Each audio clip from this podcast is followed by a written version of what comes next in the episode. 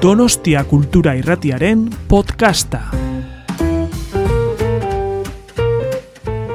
Mi nombre es Miren Gutiérrez, eh, soy profesora de la Universidad de Deusto y nos acompaña Daniel Inerarity, que se va a presentar el... Pues yo soy Daniel Inerarity, soy catedrático de, de Filosofía Política, investigador Icarbasque en la UPV y profesor en, el Instituto de, Florencia. Los filósofos tenemos que darle al pluriempleo para llegar a fin de mes. ¿no? Y nada, posten naiz hemen mirerekin, zuekin egoltea eta eskerrik asko zure gonbita benaketak. Bueno, mmm, no sé si se han fijado eh, cuando han entrado que había una presentación eh, con algunas imágenes bastante perturbadoras. Eh, se trata de una inteligencia artificial a la que le hemos pedido que nos dibuje, nos pinte con diferentes estilos, mm, con estilos diversos eh, una palabra o una expresión tipo, pues no sé, eh, inteligencia artificial, Google, Mark Zuckerberg, diferentes palabras, democracia. Em, y nos ha producido pues, unas imágenes que les hemos querido presentar para, hablar de, para entrar en calor y para entrar en esta conversación sobre los algoritmos y pues, materializar de alguna manera qué son. Y con esto mismo, con esta misma idea, vamos a establecer este, este debate y pues con esta primera pregunta de qué es un algoritmo, para qué sirve, qué, qué hace. Un algoritmo es una receta de cocina o sea, es un, eh, procedimiento, un protocolo, una fórmula que establece un proceso para la toma de una determinada decisión. Yo lo que, lo que se me ocurre decir así como introducción, miren si te parece bien, es que estamos en un mundo tremendamente complejo, tenemos que tomar unas decisiones de una enorme complejidad que no tiene nada que ver con las que tomaban nuestros antepasados. Tenemos que decidir cosas que tienen, por ejemplo, relevancia en relación con el cambio climático. Eh, tenemos unos movimientos de población tremendos, tenemos una, tecnología, un conjunto de tecnologías de muy diverso tipo. Todo esto tiene unos efectos muy variados, vivimos en sociedades interdependientes. Encima tenemos una pandemia, y, ocurren cosas de estas, una, una economía financiarizada muy inestable. y en este contexto, si queremos acertar con el tipo de decisiones que tenemos que tomar, necesitamos un gran avance tecnológico. Hace falta una tecnología, una, irrupción de la tecnología brutal, como, todavía no tenemos. Para vacunas, para, por poner otro ejemplo.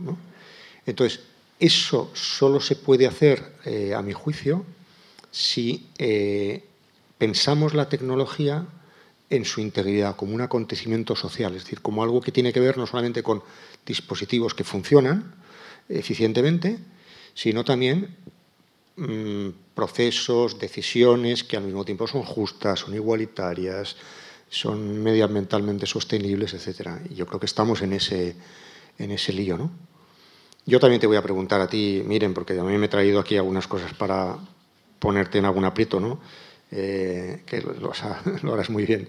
Eh, tú has escrito, ahí tienes un, libro sobre eh, algoritmo, activismo de datos, te has explicado sobre, sobre sesgos algorítmicos de género. Yo creo, creo que es una de las personas que, que yo conozco al menos que, que, más sabe de, de este tema. ¿no? Y yo creo que estaría bien que nos explicaras igual en relación con esto que acabo de decir, ¿no? Tecnología sí, integrada, justa, equilibrada, tal. Bueno, y, el tema del género aquí, ¿cómo, cómo lo explicas, no? Bueno, mm, es muy, es muy complejo porque tiene que ver con, con, muchas cosas. ¿no? Eh, voy a hacerlo con ejemplos para que se entienda cómo los algoritmos pueden tener e integran eh, sesgos de género eh, en dos eh, lugares. Puede ser que estén integrados en los datos en que maneja el algoritmo, con los que se entrena el algoritmo, eh, o puede ser, se pueden integrar en el mismo código del algoritmo. Tenemos como dos espacios donde hay sesgos. Y no es que pueda haber sesgos, sino que siempre hay sesgos. El sesgo no tiene por qué ser malo. Necesitamos sesgos, para investigar. Pero el problema es cuando no sabemos que existen y además tienen efectos perjudiciales. Entonces, eh, un ejemplo de sesgos de género se puede encontrar en algunos estudios que, se han hecho sobre cómo eh, algunos algoritmos aprendieron a identificar automáticamente cocinas con mujeres. ¿Por qué? Porque Internet tiene más fotografías, esto con material audiovisual, más fotografías de cocinas en las que aparecen mujeres y entrenado con estos datos, el algoritmo automáticamente eh, aprendió eh, a, conectar cocinas con mujeres. ¿Por qué esto, es esto problemático? Bueno, pues porque las cocinas son espacios de trabajo doméstico y el trabajo doméstico pues, tiene una serie de eh, estereotipos, puede, puede ser, es, un trabajo también vulnerable, etcétera, etcétera. Entonces, que esto ocurra no, no, es muy bueno. Además, en alguno de estos casos el algoritmo eh, aumentaba el porcentaje normal en el, en el, en el, porcentaje de mujeres eh, y cocinas que había en los datos que, con los que había aprendido. Entonces, el mismo algoritmo multiplicaba el sesgo él solo. Y por otro lado están los sesgos que pueden aparecer en, los códigos. ¿no? Eh, yo creo que tiene mucho que ver, y se, ha visto, por ejemplo, en periodismo muy claro, una relación entre que haya solo hombres tomando decisiones y que luego eso se traslade a las noticias, a cómo se hacen las noticias. Es decir, eh, no, pasamos en las noticias de un 30% de mujeres eh, como fuente de información. En las portadas de los diarios, sobre todo, publican hombres, firmas de hombres. Las, las eh, noticias, además, se, suelen dividir entre importantes y no importantes. ¿no?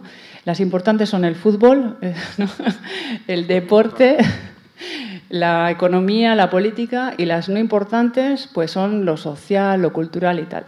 Vemos muchas más firmas de mujeres con lo, no importante y menos firmas con lo importante.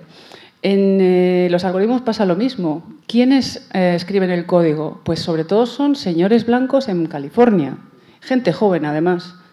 Y eso eh, es muy probable, porque no, no, hay estudios sistemáticos que lo demuestren, como sí lo hay para, para hablar de periodismo, ¿no? Pero esto probablemente tenga mucho que ver con el tipo de sesgos que estamos viendo en, los, algoritmos.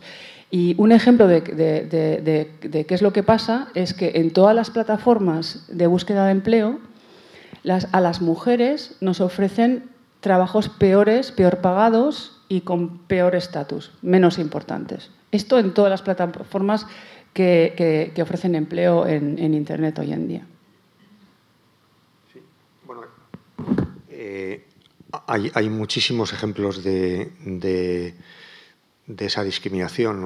Eh, ayer o antes de ayer creo que decía la vicepresidenta Calviño que no iba a ir a más actos en los que fuera la única mujer.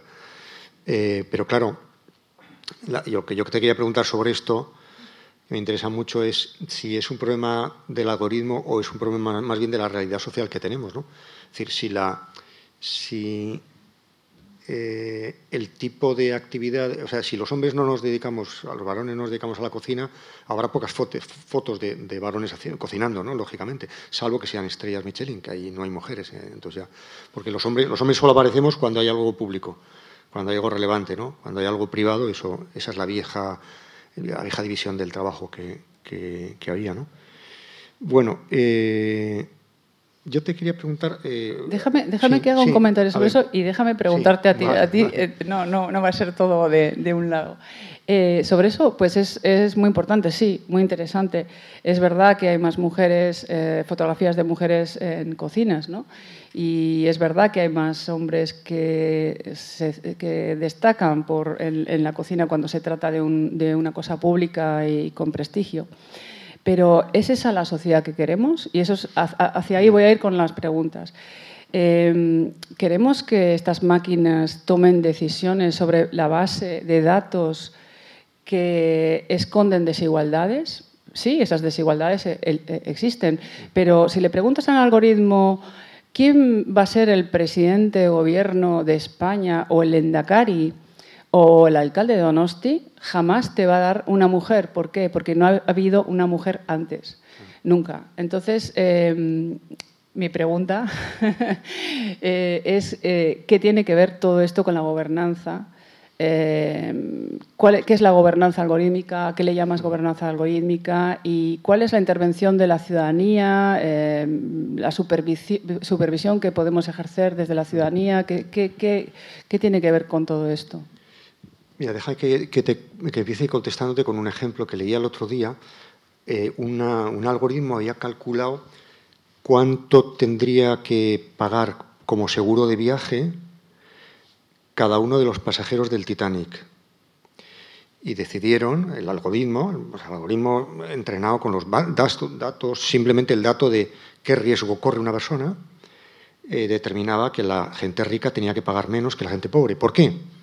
Porque en el eh, Titanic sabréis que la gente, la mayor parte de la gente que se salvó eran de las capas eh, superiores, la gente más rica. Eh, luego también, por cierto, mujeres y niños, se, salvaron muchísimas mujeres y niños. Y los peores, lo que peor podía ser en el Titanic, lo digo por si vais alguna vez, es de, la tripulación y varón. Esos eran los más perjudicados. Bueno, pongo un ejemplo en el que, por cierto, las mujeres no, eran perjudicadas por el iceberg, ¿no? Pero, pero esa, o sea, la realidad es que eh, y por cierto, digital y analógica, porque en este caso estamos hablando de, lo que realmente ocurrió con el Titanic. ¿no? Entonces, eh, tenemos una realidad que es la que es. Y, el problema de los algoritmos y, los datos que, sobre los cuales se, toman las decisiones algorítmicas es que los suministra la realidad y la realidad no es nada satisfactoria. Yo creo que no estamos nada contentos, nada satisfechos con nuestra realidad, que tiene cosas muy buenas, pero eh, hemos dado grandes avances, pero tiene una rémora del pasado muy fuerte. Entonces, si los algoritmos se basan fundamentalmente, se apoyan en, los datos sobre los que se entrenan, son los datos del pasado, eh, se mm, mm, fijan en las preferencias nuestras, es decir, nuestras preferencias pasadas, porque las futuras todavía son muy hipotéticas, podemos hablar también del tema de la predicción, que sería otro capítulo. Lo que ocurre con todo el, mundo algorítmico es que es muy conservador, tendencialmente conservador, y el elemento de ruptura es un elemento que lo tenemos que poner los humanos. Eh, eh, yo siempre pongo el ejemplo, y, lo he comentado también contigo, el, ejemplo de eh, si no hubiéramos enseñado, o sea, si nosotros, ¿habéis visto alguna vez estos programas retrospectivos de televisión en los que, eh, que ahora está muy de moda, la nostalgia, ¿no? De, y, aparecen gente haciendo chistes de los años, no sé, de los años 90. No tiene ninguna gracia, ¿eh? porque el humor, el humor es una de las cosas más cambiantes, más imaginativas, más disruptivas, porque es un juego de contextos. ¿no? Es, simulación, engaño, es mm, eh, choque de planos distintos de la realidad. Es un algoritmo no lo pilla. Y además, si, si, bueno, pero el ejemplo que quería poner era en relación con que nosotros hace 30 años, que no es mucho tiempo, nos reíamos de unas cosas que ahora no nos reímos. Por ejemplo, chistes machistas, ligera o claramente machistas. ¿Por qué ahora no nos hacen ninguna gracia? ¿Por qué los chistes machistas nos hacían gracia? Nos empezaron a hacer cada vez menos gracia y ahora mismo nos resultan repugnantes. Porque hemos cambiado. Ha habido un cambio. Entonces, ese cambio, ese elemento de ruptura respecto de lo previsible, de la continuidad histórica, es lo que un algoritmo eh, huele mal. También sobre esto podemos hablar, mm, qué relación con el futuro tiene, pero de entrada tenemos ahí un problema. ¿no? Entonces, la gobernanza de esto, o sea, la, regulación, la política, etcétera, tiene que tener en cuenta esta, esta pulsión conservadora del algoritmo a reproducir lo que hay y ser consciente de que también la, en la sociedad lo que hay también es un elemento de ruptura. No, no, no, estoy hablando solo de revoluciones, sino también de cambio, de transformación, de decisiones.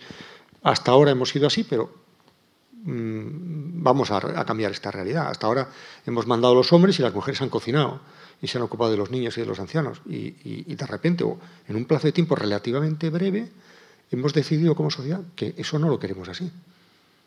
Pero los algoritmos todavía no se han enterado. Eh, también dices que la política democrática no va de optimizar objetivos predefinidos, sino de averiguar cuáles deberían ser esos objetivos. Esto en la, eh, eh, eh, en la gobernanza algorítmica, desde ese punto de vista, ¿cómo se, cómo se ve?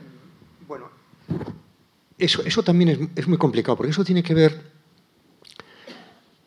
con lo que antes dejaba sin puntos suspensivos, que es, hay, una, hay todo un campo de la, de la algorítmica, se llama la algorítmica, la analítica predictiva, es decir, la, la idea de cómo nos anticipamos al, futuro a través de los algoritmos. Los algoritmos calculan y dicen, eh, eh, por ejemplo, hay un algoritmo judicial muy utilizado en Estados Unidos por los jueces que se llama el compás, que es un algoritmo que eh, sirve a los jueces para decidir acerca de la evolución de los grados de la población penitenciaria o de los permisos de salida de la, prisión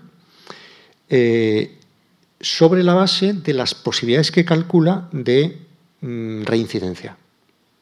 ¿Cómo se calcula eso? Hay un montón de datos que tú puedes, cualquier juez, nosotros mismos, si nos ponen delante un expediente, podemos decir, esta persona, por comportamiento, por lo que sea y tal. Bueno, de hecho, lo que está ocurriendo es que ese programa abandonaba a su suerte, digamos, sin ninguna corrección expresa de la mano de un juez, ese programa penaliza eh, directamente eh, a un cierto tipo de población.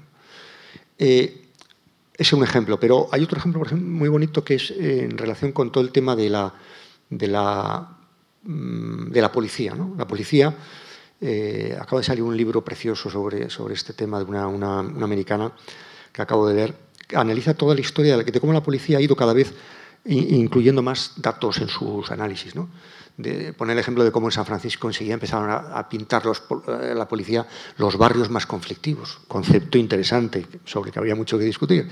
Las poblaciones, los Entonces, ¿qué, pasa? ¿Qué pasaba? Eh, que los barrios en los que había más delitos eran los barrios pobres, negros, las afueras, con más crisis económica tal. Entonces, alguien podría decir, bueno, la causa de que haya más delitos es que son negros o que son pobres, lo cual no, no parece que sea toda la verdad. Más bien lo que habría que decir es eh, qué tipo de política general estamos haciendo que a un sector de la población eh, lo dejamos a la deriva eh, de ese... Por cierto, también otro, otro asunto vinculado con esto. el tipo de policía que se hace es de policía del pequeño delito, porque al final a los que acaban pillando es a los que trafican, trapichean y tal, a los grandes traficantes, evadores de impuestos y tal, esos son... Entre otras cosas, ¿por qué? Porque ahí no hay policía, porque la policía está fundamentalmente en esos barrios. ¿no? Entonces, a veces la presencia de la policía en un barrio, no, no digo que a más policía, más delitos, porque aquí hay otro concepto que también se podría hablar mucho, que es el concepto de correlación. ¿no? Hay una correlación entre el número de policías que hay en un sitio y el número de delitos que hay. Sí, ¿Eso significa que la policía causa los delitos? No. Entonces, aquí hay una distinción interesantísima. Sí, Seguro que tú... Hay, hay correlaciones increíbles, ¿no? Sí. De, hay, se come más helados de fresa y además llueve por las tardes, ¿no? O sea, claro. y, y, y, el algoritmo dice, ah, pues mira, sí. Mm, vamos a, a, relacionar esto. Sí, me, yo me estaba acordando de varias, varios ejemplos, ¿no? Eh, con lo que has dicho, barrio rico, barrio pobre, eh, hay un algoritmo de, de Amazon, creo que era de Amazon, eh, que cobra más a los eh, pobres que a los ricos. ¿Por qué? Porque en los barrios pobres hay muchas menos opciones y entonces tiene la posibilidad de imponer los precios. Y en los barrios ricos, como la gente tiene muchísimas más opciones de compra, pues baja los precios para, eh, para poder competir. ¿no? Eh, otra, otra, en Chicago, el sistema de predicción policial eh, hay un caso muy interesante eh, de un algoritmo que eh, determinó que Pepito Pérez, con nombres y apellidos, su, fotografía ha sido publicada, un señor concreto, Pepito Pérez iba a estar involucrado en un tiroteo. No se sabía si empuñando el arma o como víctima, pero en tres días va a estar en un tiroteo. ¿no? Este, esta predicción puso en marcha una cadena de hechos que propició el tiroteo y este señor fue tiroteado, fue eh, eh, víctima de un tiroteo tres días después. Eh, esto está escrito y no estoy hablando de ciencia ficción ni nada. Em, ¿Podemos fiarnos de las predicciones de, los algoritmos para gobernar, para tomar decisiones, para, hacer política? ¿O tiene que venir la política? O sea, ¿cómo se combina la política y, los algoritmos? Eh, otro, eh, eh, termino con, el, con, este ejemplo porque me parece muy, muy interesante. El año pasado, no sé si se acuerdan ustedes que todo el gobierno de Holanda, imagínense, aquí en, en, el País Vasco, que todo el gobierno cae por causa de un algoritmo, ¿no? Eh, todo el gobierno, ministros, ministras, todo. Eh, ¿Y a qué se debió? Bueno, pues este algoritmo eh, lo que hacía era predecir o, bueno, determinar potencial de fraude en las ayudas que estaba dando a unas familias en situación de vulnerabilidad o lo que sea el algoritmo al final arruinó a un montón de familias que se tuvieron que empeñar, tuvieron que salir de sus casas. Esto no ocurrió de un día para otro, ¿no? pero la acumulación de casos fue tal que, y tal escándalo que además se descubrió que precisamente en estos barrios pues, vivía más gente inmigrante, etcétera, etcétera. Entonces, esto fue tal escándalo que al final el gobierno terminó dimitiendo. Entonces, ¿esto es producto de mala política o producto de malos algoritmos o qué va antes o después? ¿Qué es lo que, cómo, cómo, cómo lo ves? Bueno, yo, yo creo que es el eh, resultado de, del mal uso de un algoritmo, porque ese, ese caso concreto, eh, si no recuerdo mal, eh, trataba de evitar el fraude en las ayudas sociales. Y interpretó el algoritmo, que, no es tan inteligente como nos creemos, interpretó un error como un intento de fraude. Hay gente que en la, rellenar la solicitud se equivocaba, daba un dato incorrecto acerca de cuándo había llegado al país, eh, por, no me acuerdo el detalle concreto, y sistemáticamente el algoritmo estaba preparado, estaba diseñado para eh, lanzar un mensaje de fraude y por tanto anular la ayuda eso eh, en unas dimensiones causó un problema social importantísimo. Entonces, al final, eh, los algoritmos no son culpables. Hay, toda, una, toda, una, discusión acerca de la, ética del algoritmo, del algoritmo mismo, como si el algoritmo fuera un sujeto moral. En fin, un tema sobre el que hay, habría muchas cosas que decir. Pero lo fundamental en este caso concreto es que no podemos dejar en manos exclusivamente de una máquina eh, una decisión sin interpretar, sin, que haya, tanto en el diseño como en la evaluación de su, de su implementación, haya al menos un humano que interprete los datos y diga, no, es que a lo mejor resulta que el, el, dossier es muy complicado de rellenar y esta persona no es que esté cometiendo un fraude, simplemente se está equivocando, ¿no? cosa que eh, nos pasa todos, eh, todos los días. ¿no? Con lo cual, mi respuesta a tu pregunta sería, yo creo que no es, no es una cuestión de dividir el campo de juego. Mm, o sea, no, es una cuestión de humanos contra máquinas, eh, estas categorías binarias, ¿no? de esto es bueno o esto es malo, tal, sino decir, bueno, ¿cómo, ¿qué tipo de colaboración entre los humanos y las máquinas es la más inteligente, la más equilibrada, la más justa, la más ecológica? Eh, de tal manera que a nosotros nos priven de tareas eh, que son dificilísimas de hacer, que implican una potencia de cálculo bestial y al mismo tiempo que otras tareas nuestras humanas son las específicamente humanas que la máquina no va a poder hacer. Yo creo que esa colaboración, hay que pensar más en, eso, los términos de esa colaboración, porque las máquinas eh, hacen cosas, yo, ahora estoy fascinado con la comparación entre la inteligencia humana y la inteligencia eh, de las máquinas, y te das cuenta de lo limitada que es la inteligencia de las máquinas lo potente que es su capacidad de cálculo y lo limitada que es su, inteligencia. Un niño, es el famoso teorema de Moravec, ¿no? un, niño aprende eh, una lengua en año y medio o dos, ¿no? bastante bien, eh, y, una máquina necesita menos tiempo, pero, pero necesita una gran cantidad de energía, de datos, etc. Por ejemplo, cuando las máquinas que han ganado humanos a jugar a ajedrez y a Go han hecho más partidas de entrenamiento que las que un humano puede hacer en toda su vida. Pero si yo juego con una máquina de esas y cometo un error de principiante, la máquina interpretará que yo quiero perder. Yo recuerdo una, una vez que me pusieron a jugar al mus Y era muy malo y entonces mi estrategia eh, con unos cuñados fue jugar a ser malo y apostar a la chica y tal. Y estos pensar, mis cuñados pensaron que este tío es, es un genio porque debe tener no sé qué. Gané, vieron luego las cartas y ya se dieron cuenta de que era un, nada, un farsante, ¿no? Y ya me retiré, ya siguieron jugando entre ellos. Bueno, eso una máquina lo hubiera detectado, lo, hubiera interpretado mal. Las máquinas son muy, en el fondo son muy estúpidas interpretando nuestras, nuestras cosas. ¿no? Entonces, al final, esto va de, de, ser conscientes de cuáles son las potencialidades de unos y de otros y cuáles son los errores de unos y de otros. Los errores que cometemos los humanos son de naturaleza muy diferente que los errores de las máquinas. Por ejemplo, eh, los humanos somos bastante buenos a la hora de tomar decisiones con poca información, borrosa y en situaciones ambiguas e inestables. Lo hacemos bastante bien. Las máquinas son insuperables cuando disponen de toda la información, muchísima información, todos los datos. ¿Por qué no jugamos a que lo uno y lo otro se compatibilicen? Yo recuerdo eh, una vez hablando con, una vez mi madre me decía, oye, esto, esto, es terrible, mira, se ha divorciado fulanito y fulanita y tal, ¿no? Y me decía, esto es terrible, se está divorciando todo el mundo, ¿no? Y yo le pregunté, eh, bueno, no, yo, indagué cuánta gente estaba divorciando en aquel momento, ¿no? Vivía mi madre. Más o menos la mitad de las parejas se rompían, ¿no? Es una media bastante buena. Por muchas cosas. Una de las cosas es porque la decisión de eh, formar una pareja es una decisión que los humanos hacemos con poquísima información. ¿No? Y nos sale bastante bien.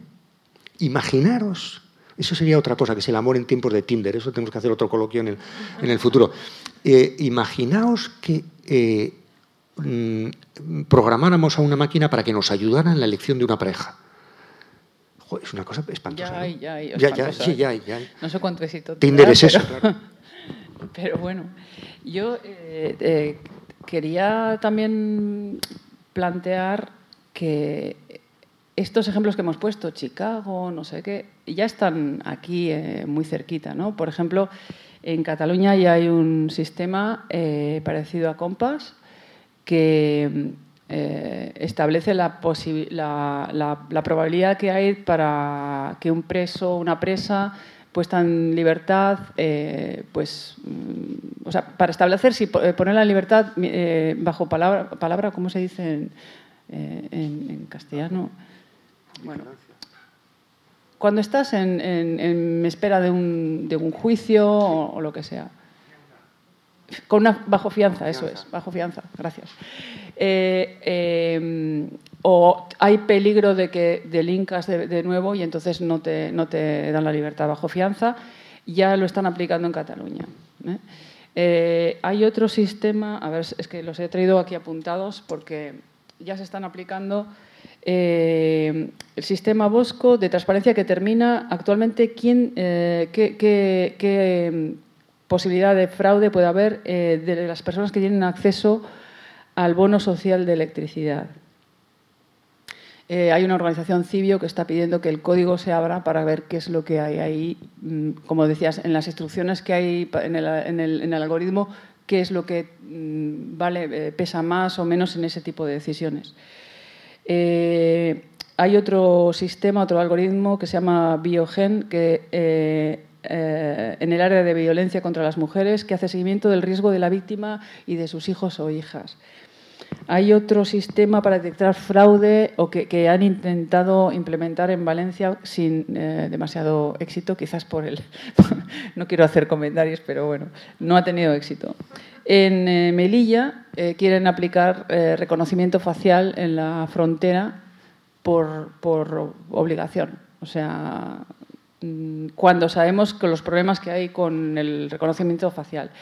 el reconocimiento facial tiene dos problemas. Uno, eh, no reconoce bien a cierto tipo de personas. Si eres mujer, de nuevo, y con la piel oscura, hay eh, algunos que llegan a no poder a reconocer solamente el 35% de las personas, frente a un 99% de hombres blancos, ¿no?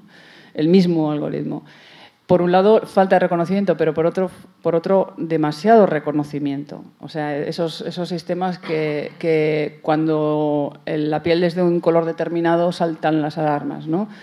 Entonces, eh, ¿qué se, nos, se, nos, está acercando cada vez más este tipo, a este tipo de, decisiones a nuestras realidades? ¿no?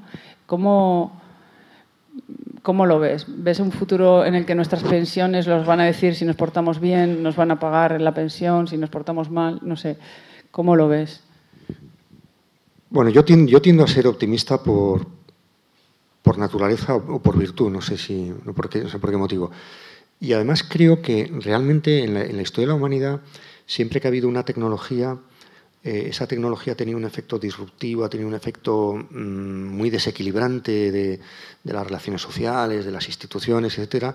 Y los humanos más o menos hemos sido capaces. Probablemente lo único que no estamos siendo capaces de, mm, equilibrar bien es el cambio climático, porque, porque es el sumatorio de un montón de cosas que estamos haciendo mal y que tiene una enorme complejidad para, para resolverlo. Pero en general, los humanos yo creo que podemos, primero vuelvo a lo que decía al principio, eh, si queremos dar ayudas sociales, si queremos vigilar eh, el comportamiento de los virus, si queremos eh, conocer bien los impactos de nuestra legislación, si queremos hacer una política penitenciaria justa y tal, necesitamos muchos datos. O sea, yo, no, no, no, no extendería de entrada la idea de sospecha sobre este tipo de, dispositivos tecnológicos. Creo que van a ser y están siendo ya de una gran utilidad.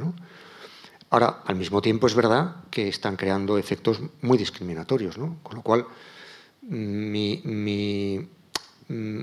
me parece que, esto solo se puede lograr con una mejor tecnología. Eh, no, no, no, no, no, no deberíamos apostar por un parón tecnológico, por una especie de crecimiento tecnológico, sino al revés, por una mejor tecnología. Eh, hay, hay una, una, tesis muy, muy eh, aplaudida, que es la de, la de Susana Zuboff, esta profesora de, de, Harvard, ¿no? que, que, habla del capitalismo de vigilancia. ¿no? Es decir, la idea según la cual lo que estaríamos es en una sociedad en la cual se nos vigila continuamente y en todo, se sabe todo de nosotros por el rastro que dejamos y por tanto, eh, bueno, eh, ella lo analiza con mucha finura y tal, pero yo, a mí, e, esa, esa tesis, ese paraguas no me convence nada, porque me parece que eh, tenemos dos tipos de problema en la sociedad en la que vivimos. Tenemos un problema, efectivamente, de gran vigilancia, de posibilidad de acoso, de posibilidad de saber de nosotros nimiedades y por tanto hay que ver cómo protegemos nuestra privacidad. Por cierto, una privacidad que ya no podemos entender de manera mm, eh, analógica, sino digital, eh, porque privacidad, desde luego para mis hijos privacidad no significa lo mismo que para mí, para la gente de los pueblos no significa lo mismo que para la gente de la ciudad, etc. Eh, pero al mismo tiempo tenemos otro gran problema, que es un desconocimiento de nuestra sociedad. conocemos muy poco la sociedad en la que vivimos. Con motivo, yo creo que una, de las cosas que hemos aprendido de la pandemia ha sido lo difícil que es saber cómo se comporta la gente. Yo estoy en, en, lo equivalente al LABI de Navarra, bueno, equivalente, pero un poco distinto, porque estaban muy desesperados y cuando, cuando, llaman a un filósofo yo siempre pienso que la cosa está muy mal, ¿no? O sea, esto está muy jodido porque le han llamado un filósofo habiendo gente que sabe, ¿no? Pero bueno, querían una especie como de, grupo social, de gente muy variada, que yo Mm, para mí ha sido muy interesante oír a psicólogos, gente del mundo de la empresa, trabajadores, ayuntamientos, tal, eh, discutir sobre las medidas. nosotros no tomábamos las decisiones, pero eh, y no tenía realmente yo lo que he visto, o sea, mi conclusión es, ahora tenemos que hacer un informe y yo quiero aportar esta idea, ¿no? Mi conclusión es que los políticos, o sea, nuestros representantes, han tomado las decisiones sobre una ignorancia vertiginosa. O sea, una, ignorancia brutal. No os podéis imaginar. Yo he estado cerca de políticos que tenían que decidir las mascarillas, las reuniones, las no sé qué, el confinamiento, el tal, y realmente no, no, lo digo esto para que os inquietéis mucho, más, de lo que ya estamos, ¿no? para que sepáis que esto, es lo, esto es lo que hay. O sea, no teníamos ninguna experiencia en la historia de la humanidad, porque en 1918 no, no sabemos, no tenemos datos de nada, y era un mundo completamente distinto, de cómo se comporta un virus en una sociedad globalizada, con tal nivel de comercio, con tales cadenas de suministros, con gente eh, que contesta en sociedades democráticas, en sociedades que no aceptan fácilmente el, ordeno y mando. No, sabíamos. Eh, no sabíamos cómo se sea, la mezcla esa de lo biológico y lo social, y tampoco sabíamos cómo, aunque sabíamos que las vacunas iban a ser eficaces, eso sí, pero, pero tampoco sabemos del todo exactamente eficaces hasta cuándo. ¿Os acordáis? Dos dosis, tres dosis, no sé qué tal. Eh, mm, necesitamos muchos datos. Yo, yo, este sería mi, mi, mensaje, ¿no? que, que necesitamos conocer mucho mejor la sociedad. Pero déjame, déjame miren, mm, dar otro, un pequeño giro, hacerte una pregunta, porque Tú has escrito una cosa muy interesante sobre otro, otro de los aspectos que tiene que ver sobre que tiene que ver con la gobernanza de todo esto y con el efecto, el impacto que, todo esto va a tener en la, en la democracia, en, nuestra convivencia, en nuestra manera de, vivir. Ay, si tengo las gafas puestas, ya no sé, venga a buscarlas. Veis, como no conocemos la realidad en la que, en, la que estamos, ¿no?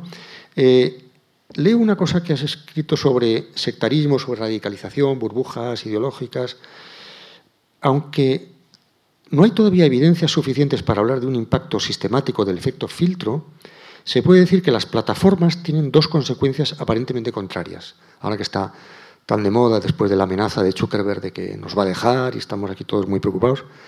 Primero, permiten encontrar grupos afines de personas que de otra manera estarían solas con sus obsesiones. Y segundo, los aíslan del contacto con otras realidades e ideologías. ¿Nos puedes explicar esta relación? ¿Es, esto tan importante para la vida democrática, para la relación, las relaciones humanas, para la toma de las decisiones políticas? Pues voy a empezar con una anécdota personal, que es que lo sigo contando y ha pasado el tiempo, pero lo sigo contando porque todavía me sorprende. En 2016, cuando ganó Trump, tuve que leer como tres o cuatro periódicos, o sea, el The Guardian, el, a ver qué dice el New York Times, a ver qué dice la ABC, porque no me lo creía. ¿Por qué? Porque estaba tan feliz en mi burbuja ideológica que no me había enterado de que podía ser una, una realidad. ¿no? Porque todas las fuentes que yo consultaba o que me ofrecía los algoritmos, pues eh, lo que hacían era refrendar y estar de acuerdo, muy de acuerdo con lo que yo pensaba, ¿no? que Trump era un candidato fatal, y que Hillary Clinton era una persona, te puede gustar o no, súper competente, con un currículum bestial y que además pues una persona seria que proponía cosas que, que, por las que podías estar de acuerdo o no, pero es que la diferencia era tan abismal que no, no se me había ocurrido que, esto pudiera pasar. ¿no? Esto es lo que hacen las burbujas eh, ideológicas de, de las plataformas. Te rodean de lo que te gusta, de los likes, de eh, de, con, las cosas que estás de acuerdo y estamos viendo en, eh, diversos estudios, eh, por ejemplo en Estados Unidos, que es donde más se ve que hay una polarización bestial. Que esa, si se ve, he visto una gráfica en la que se ve la polarización de los que votan a, republicanos o a demócratas y tal, y con los años cada vez estos dos grupos se van alejando cada vez más. Entonces, ¿dónde está ese terreno de diálogo que tiene que ser una democracia? ¿no? ¿Dónde está el sentarse y negociar? Eh, eso no, cabe en una, sociedad polarizada. Eh, ¿Y por qué es peligroso la radicalización? Bueno, pues esta gente que... Eh, una cosa que estamos estudiando ahora mucho son las teorías de la conspiración. Esta gente que estaría pues, en su ordenador comiendo su hamburguesa, ¿no? obsesionado ahí con su, con su, con su obsesión, con su teoría de la, conspiración, pues ahora se conocen por Internet, se organizan y te montan un asalto al Capitolio, que es lo que ocurrió. Se ha, se ha visto que el papel de las plataformas en el asalto al Capitolio fue fundamental. Además, esas plataformas que, que ofrecen salas privadas en eh, las que se pueden decir cualquier cosa que no hay, mm, pues te, te, te garantizan la, la privacidad. Y, y, hay varios estudios ya que, que, hablan de lo importantes que fueron estas plataformas para que esta gente que estaría aislada en su, en su rancho de no sé, de, de, no sé dónde, de Texas, ¿no? eh, ahora se, encuentran, se reconocen, eh, se comparten sus obsesiones y, asaltan el Capitolio. O, por ejemplo, el señor que en el 2016 también se fue a una pizzería eh, armado diciendo que quería liberar a los niños que estaban siendo abusados en la pizzería por, regentada por Hillary Clinton eh, que es, una de las eh, eh, locuras que luego han terminado en QAnon, que no sé si conocen ustedes QAnon, pero es, de poner los pelos de punta. Es una organización que cree que hay una secta satánica, pederasta y caníbal que domina el mundo. Y, esto pues tiene un poco de su germen en, lo que pasó en el 2016 con Pizzagate, eh, que, consiste en esa locura de que Hillary Clinton estaba detrás de una, de una pizzería donde, que era la tapadera de un, de, un grupo de pederastas. ¿no? Y entonces este señor se lo creyó en, en su burbuja ¿no? y, acudió con una pistola para liberar a los niños. Entonces, este es el tipo de peligro que tiene en la democracia las, las plataformas, los algoritmos que te van, te van cerrando en esa burbuja que te aísla también de la realidad de otras personas.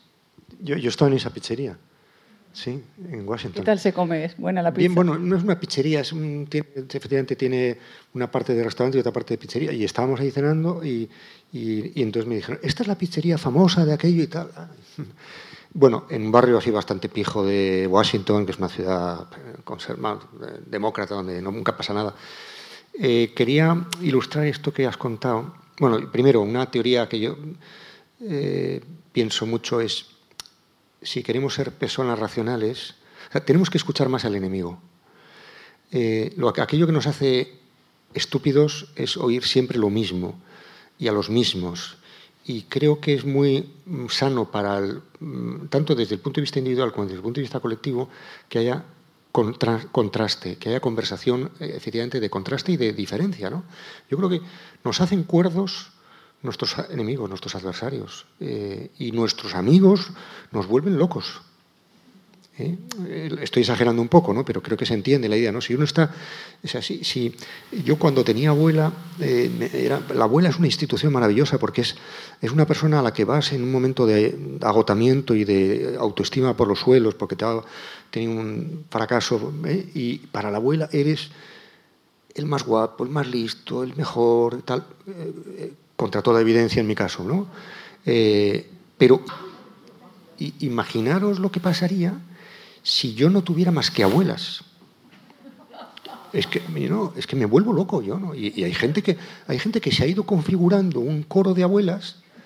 ¿eh? Decía, Nietzsche decía que, que, había que buscar, lo decía de otra manera, decía, hay que buscar el antídoto del propio genio. O sea, si uno tiene un genio, si uno tiene una habilidad, si uno tiene algo que le gusta, mi consejo sería busca lo contrario de eso, búscate el antídoto, porque en toda, en toda cosa hay, un potencial de formación.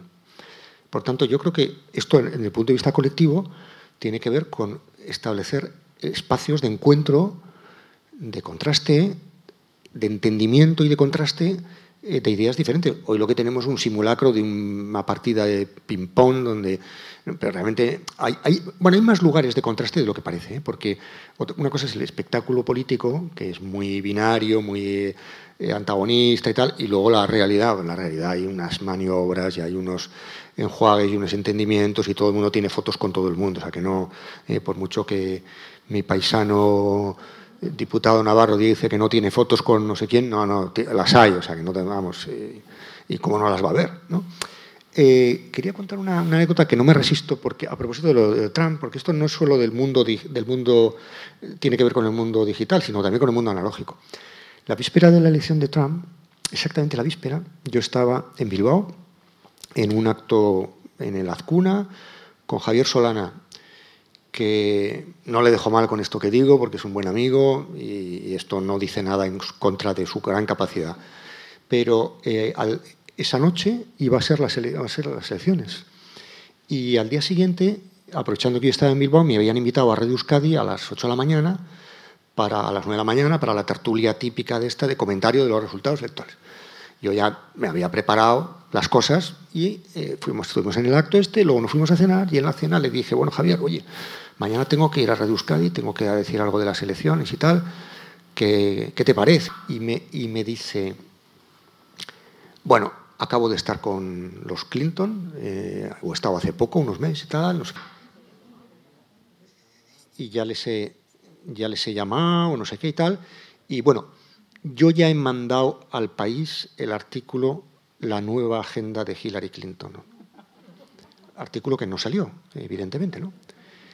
Eh, esta, esa noche, eh, a medianoche, me levanté a estas cosas que solemos hacer los varones de una cierta edad, eh, a las 3, 4 de la mañana, y estaba un poco inquieto y hice una cosa que no debía hacer, hecho que era ir a la tableta y mirar a ver cómo iban al recuento, y había caído Ohio, Pensilvania, y no sé si, si Florida, ¿no? Es que recasco. A ver, sí, sí. Y entonces ya me puse nerviosísimo, ya no me acosté, eh, ya me empecé a meter en diarios y tal, y ya me di cuenta del desaguisado. Es decir, una persona como Javier Solana, que yo creo que en aquel momento y probablemente hoy sea una de las personas mejores informadas del mundo, eh, que conoce mejor la política internacional, que tiene mm, contacto, tiene su propia burbuja. Él vivía en una burbuja. Y yo creo que yo estuve en ese año en Estados Unidos, el primer año de Trump, estuve en Washington, ahí en, Georgetown, en la universidad, y, yo me, acuerdo haber, hablado con mucha gente, ¿cómo es posible? ¿Qué ha pasado? Y, yo la conclusión que saqué es que las élites, es decir, el mundo de los grandes periodistas, de los eh, filósofos, los juristas, los que salen tal, mm, viven en su propia burbuja y no conocen, por ejemplo, el Midtown americano, donde hay una frustración estúpida, si se quiere, pero que tiene que ver con un modelo de capitalismo que no entienden. Eh, hay una sociedad crecientemente multicultural en la cual, con razón o sin ella, seguro que sin razón, el hombre blanco, hombre blanco, eh, clase media, eh, se siente muy marginado, no tiene razón, pero se siente así y por tanto vota, pero no dice que va a votar. es decir, al, final, y perdón me estoy extendiendo demasiado, os cuento otra pequeña anécdota. En, de esa estancia mía de Washington, para practicar este principio de que hay que buscar el antídoto, yo estaba en un departamento, os podéis imaginar, el departamento de Georgetown, de, humanidades, de ciencia política y tal, eh, todos demócratas. Ahí todo el mundo votaba demócrata, pero vamos, pero en Washington el porcentaje de voto demócrata es 98%. Y en la Universidad de Georgetown yo creo que, yo creo que será el 100%. ¿no? Eh, y el Día de Acción de Gracias nos invitaron una familia, un matrimonio que eran profesores, él y ella, nos invitaron a su casa al típico pavo, un pavo gigantesco, dos pavos y tal. Bueno, eh, había ahí 30 personas, ¿no?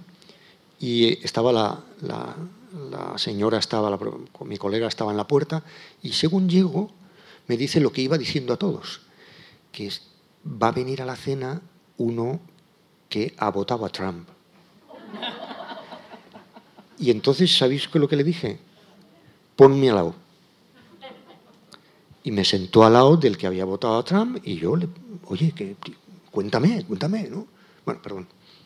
Bueno, esto me está trayendo. Voy a volver a los algoritmos y a las inteligencias artificiales, porque estaba revisando un, un artículo que me han enviado y he leído, bueno, y citaba un informe que luego me he leído que me ha parecido fascinante, y es que eh, no sé qué encuesta en Estados Unidos encuestaban a la gente sobre cómo percibían el peligro de la inteligencia artificial para sus puestos de trabajo.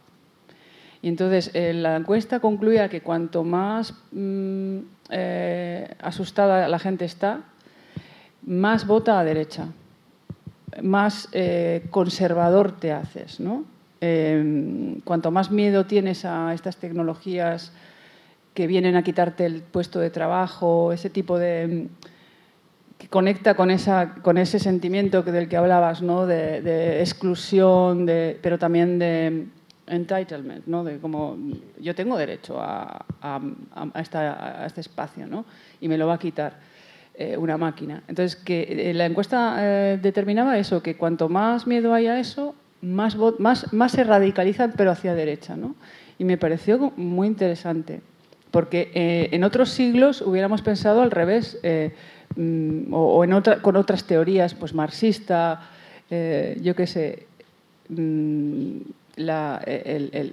te, tira hacia la izquierda, ¿no? Si viene, viene el, gran capital a quitarte tu puesto de trabajo, no sé. Me pareció como contradictorio. ¿Tú qué piensas de eso? Mm, oh, lo que dices me sugiere una cosa, una, idea, que es, em, en estos momentos en Francia, en la precampaña electoral en la que están, Seymour, el candidato, uno de los de la extrema derecha, eh, está utilizando una palabra mágica en todos los mítines que es remplacement, reemplazamiento. Y él se refiere con esa palabra a sustitución de los franceses de verdad por los musulmanes. Eh, esa, esa, idea eh, Mm, se puede poner en paralelo con el mundo del trabajo, es decir, con, gente que está pensando en reemplazamiento, está pensando la revolución tecnológica como me van a quitar mi puesto de trabajo, ¿eh? Eh, porque esto va a ser hecho por una máquina. Bueno, primero, las máquinas no, quitan, las máquinas no quitan puestos de trabajo porque las máquinas no ocupan puestos de trabajo, las máquinas lo que hacen son tareas que es distinto. Una tarea de un job, o sea, de un puesto de trabajo, es una cosa distinta, ¿no? Y por tanto pueden quitarte parte de tu puesto de trabajo o no. O sea, en, el fondo, no. Hay, un libro magnífico que se acaba de publicar de Lucía Velasco que se llama un, robot te va a quitar el puesto de trabajo o algo así. Lo, ha titulado de esa manera provocativa para luego decir que no, ¿no? Pero en, en el fondo hay un, hay un mundo en el que mucha gente tiene la sensación de que es prescindible, ¿no? de que no va a ser tomado en cuenta, de que no va a ser reconocido como trabajador o de que su cultura no vale nada y tal. ¿no? Y yo creo que ahí hay un error óptico, hay un error mm, de diagnóstico. Eh, suponga, si, si esto fuera verdad, bueno, pues tendríamos que desarrollar unas estrategias del tipo que sea.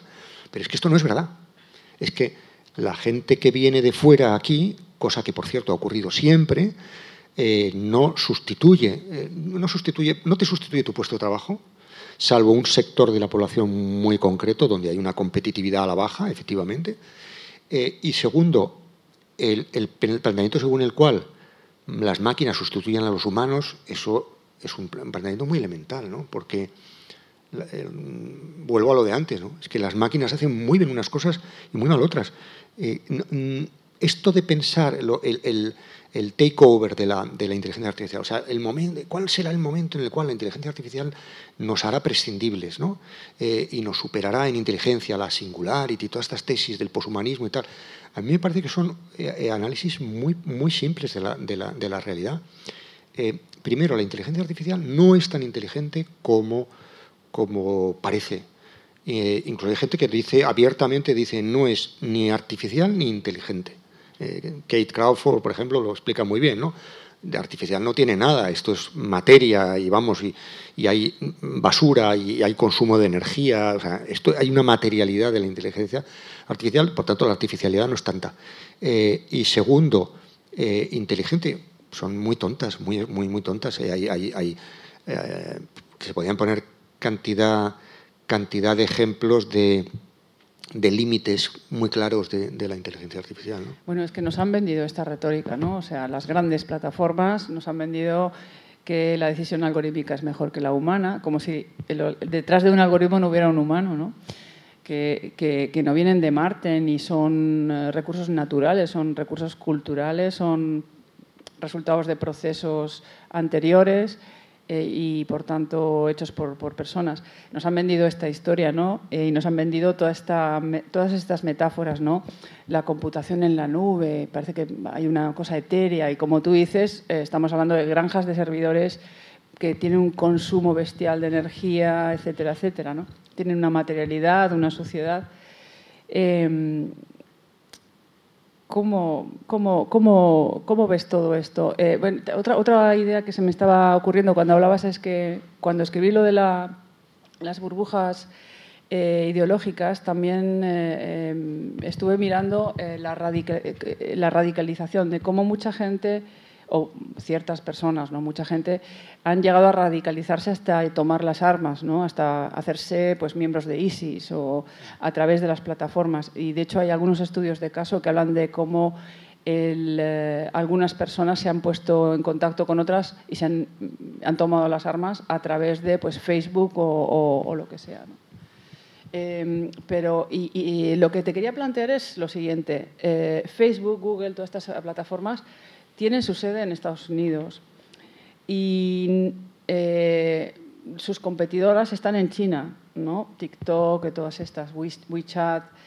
Eh, en Europa no hay ninguna plataforma. Eh, y en cambio, eh, también he, visto estudios que hablan de que Europa tiene más capacidad de generación de, conocimiento. Producimos más papers, tenemos más científicos y científicas.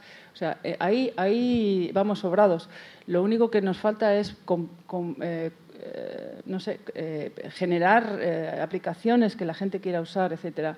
¿Cómo ves Europa en, este sándwich entre, entre Estados Unidos y, China?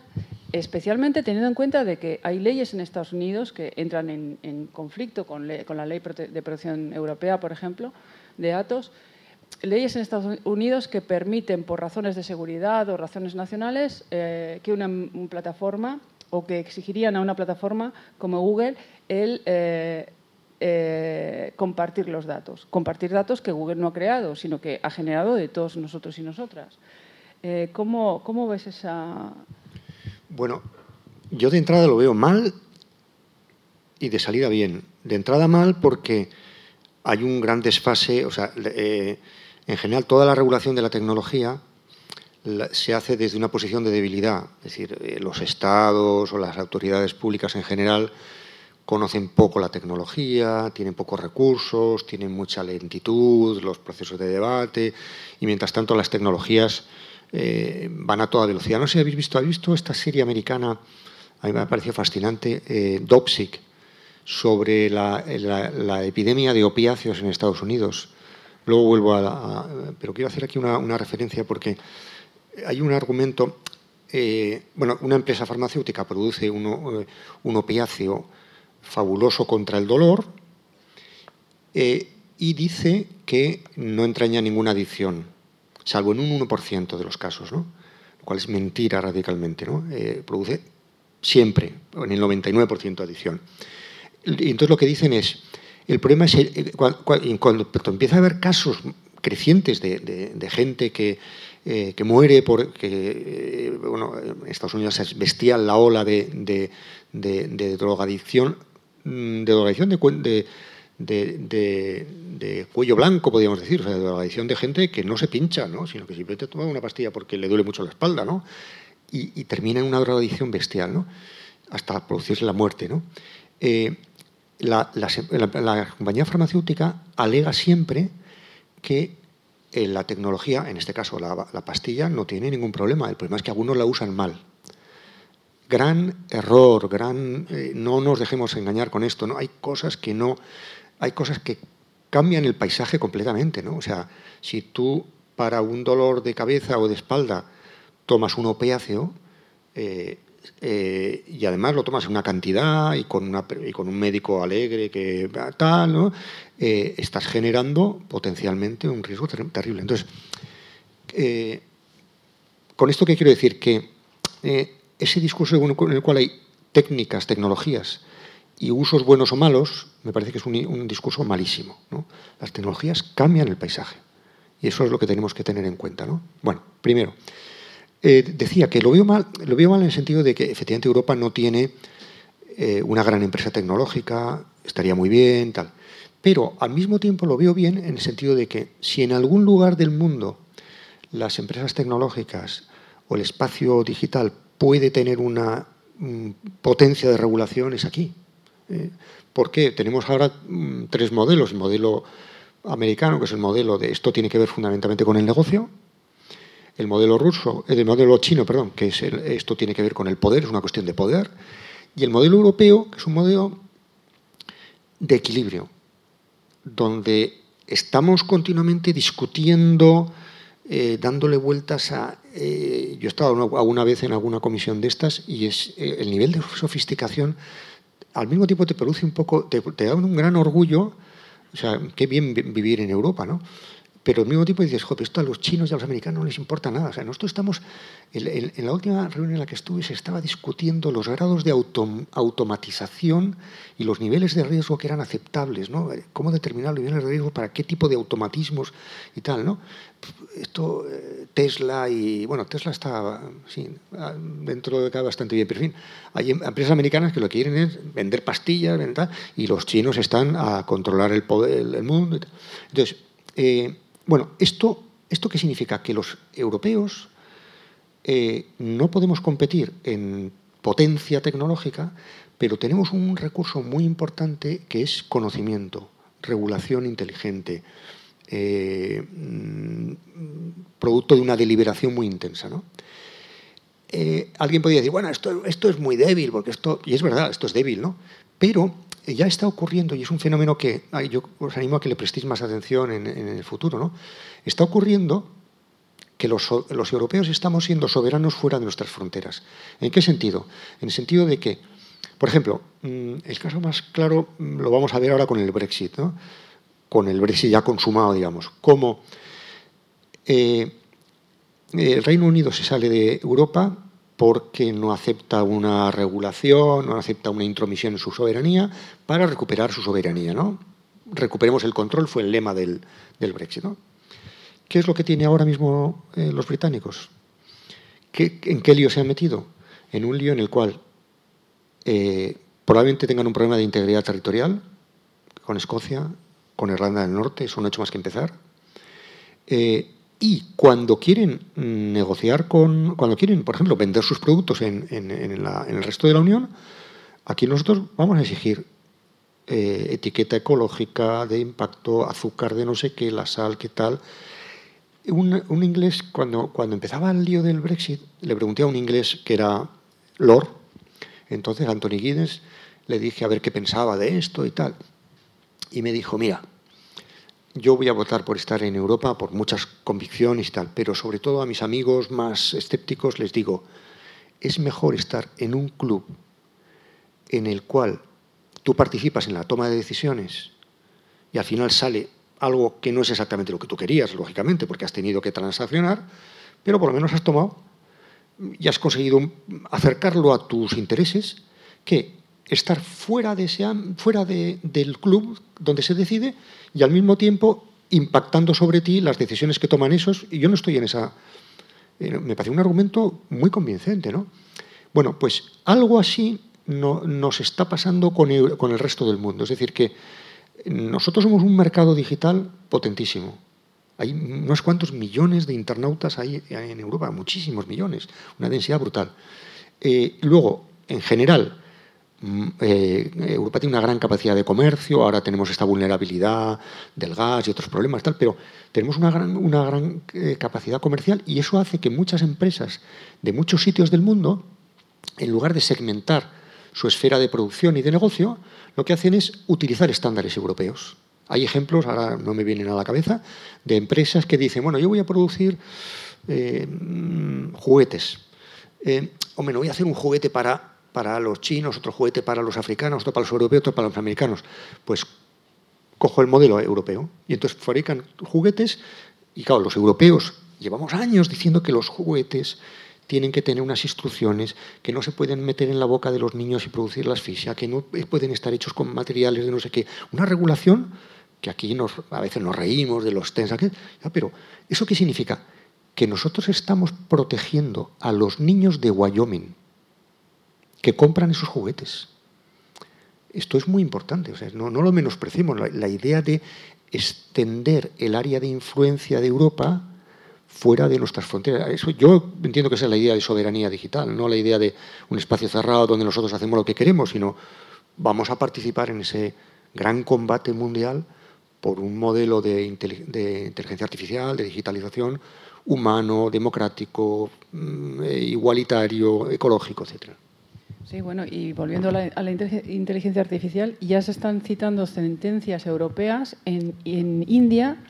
Por ejemplo, hay un caso de, una sentencia en India que cita como referente una europea de una persona que se, está, que se ha querellado con, creo que es con Facebook. Eh, entonces, también están surgiendo eh, en los tribunales casos muy interesantes de personas que ven vulnerados sus derechos o, se han visto perjudicadas por decisiones algorítmicas y que están también, vamos a decir, surgiendo en otros lugares, aunque es un terreno todavía, todavía eh, bastante nuevo. Yo, como hemos, ya llevamos un buen tiempo hablando, querría igual invitar a, las personas que están hoy con nosotros eh, a ver si tienen algún comentario, alguna pregunta o qué hacer.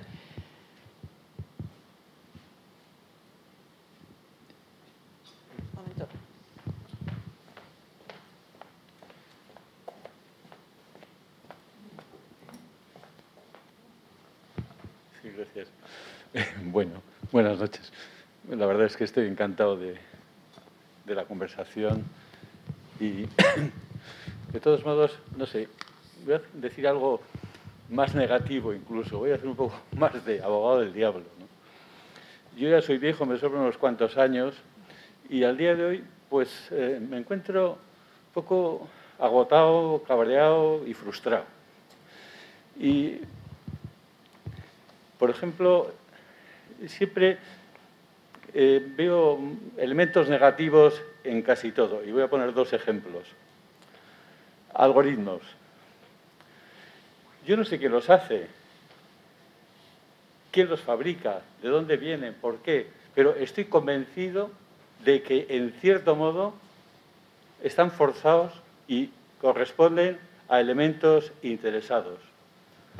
No lo sé, igual es muy negativo pensar eso, pero es decir, añadiendo a los aspectos, eh, digamos, técnicos, eh, problemáticos que se puedan dar, porque estos algoritmos no consideran todas las situaciones como debiera ser, en el fondo, en el fondo, estoy absolutamente convencido de que de alguna manera falta una reglamentación de la situación, de quién crea, cómo se crea, para qué son esos algoritmos, eh, si viene de Estados Unidos, si tiene que participar Europa, en fin, una, un arreglo, una, una convención, un control.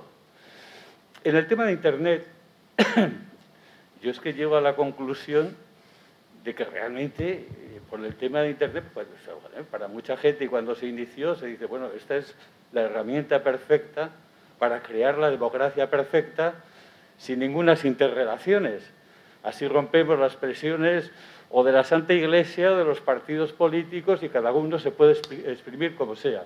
Pero de alguna manera ahí también veo que eh, no todo el mundo se puede organizar para llegar a lo que quiere decir y que hay, pues eh, digamos que son zonas cerradas y controladas. Pongo estos dos ejemplos para manifestar un poquito, para ser un poco más abogado del diablo que lo que ustedes han dicho, que me ha parecido estupendo, pero, en fin, no sé si soy excesivamente negativo, pero me gustaría recibir algún comentario en relación con eso. Gracias. Mm, son dos cuestiones fabulosas. ¿no? Mm, la primera, eh, eh, es, una cuestión que remite a la idea de cómo hacemos que los algoritmos sean transparentes ¿no? y entenderlos y, por tanto, nuestra soberanía como sujetos eh, algo tendrá que decir acerca de mm, procedimientos que deciden sobre aspectos que impactan en nuestra vida. Vale.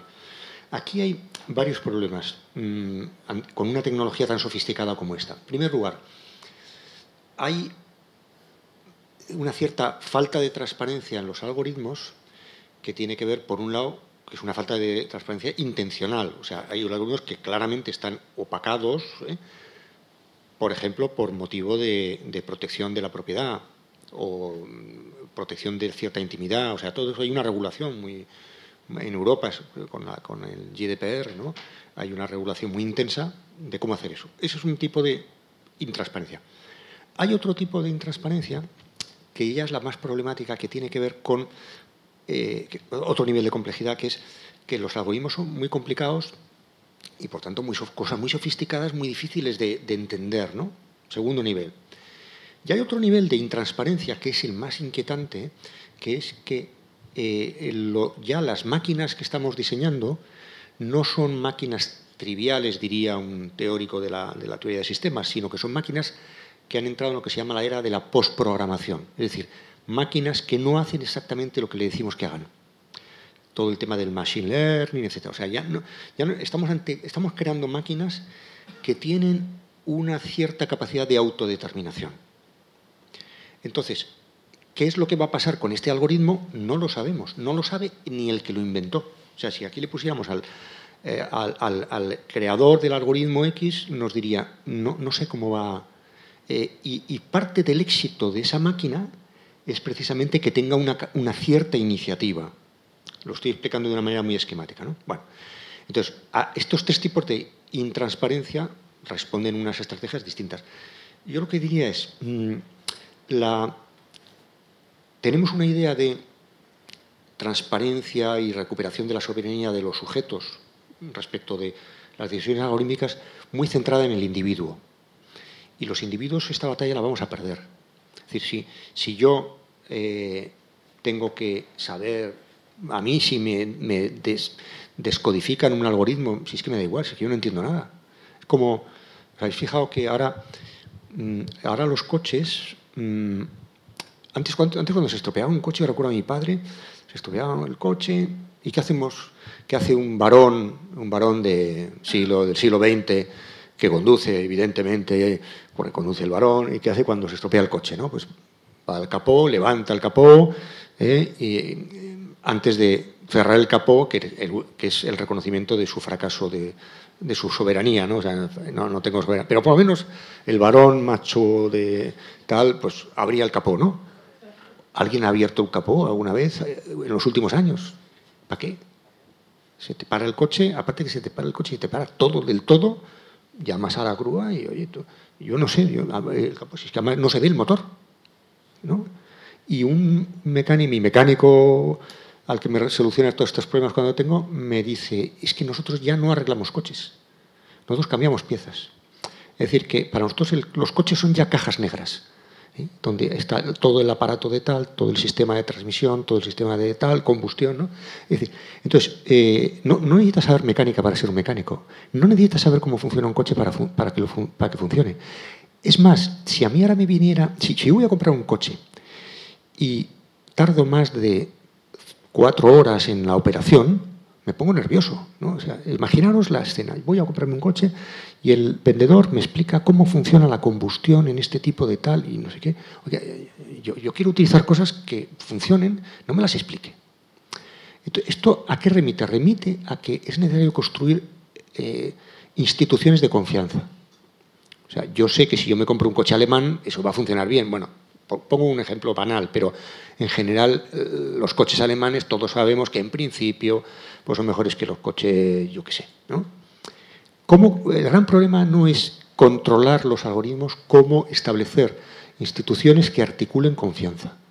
Y la gran cuestión es la confianza, cómo nos fiamos unos de otros, ¿no? Y, o no nos fiamos. Respecto del otro asunto, más brevemente, es que la promesa de Internet fue muy exagerada. Es decir, cuando, cuando sale Internet y, todo el mundo empieza que esto es la democratización y la horizontalización, yo creo que se hicieron unos análisis muy exagerados de las ventajas de Internet. Evidentemente Internet tenía una ventaja en términos democráticos fundamental, que era de construir la distancia vertical del mundo de la información y el mundo de la conversación. Eh, difuminar esa frontera entre lo que es información oficial, que es lo que dicen los periódicos, y la conversación cotidiana, que es lo que decimos cuando vamos a hacer la compra. Esa frontera rígida se rompe, eso es maravilloso. Ahora, pensar que con eso ya estaban resueltos los problemas, eh, los problemas democráticos, pensar que una, una, tecnología iba a arreglar por ella misma problemas políticos, no es verdad. Yo recuerdo haber estado en, Egipto en un debate en la universidad con esta chica tunecina. ¿Os acordáis cuando empiezan las primaveras árabes? La chica tunecina esta que lanzó aquel asunto con gran valentía, puso a todo el mundo a temblar. Eh, eh, yo recuerdo haber discutido con ella. Yo que soy, no sé si más viejo, pero de luego más escéptico, si más viejo que ella también, eh, yo no hacía más que poner pegas. Porque me parecía que había una ilusión de que el espacio digital venía a reemplazar al espacio físico.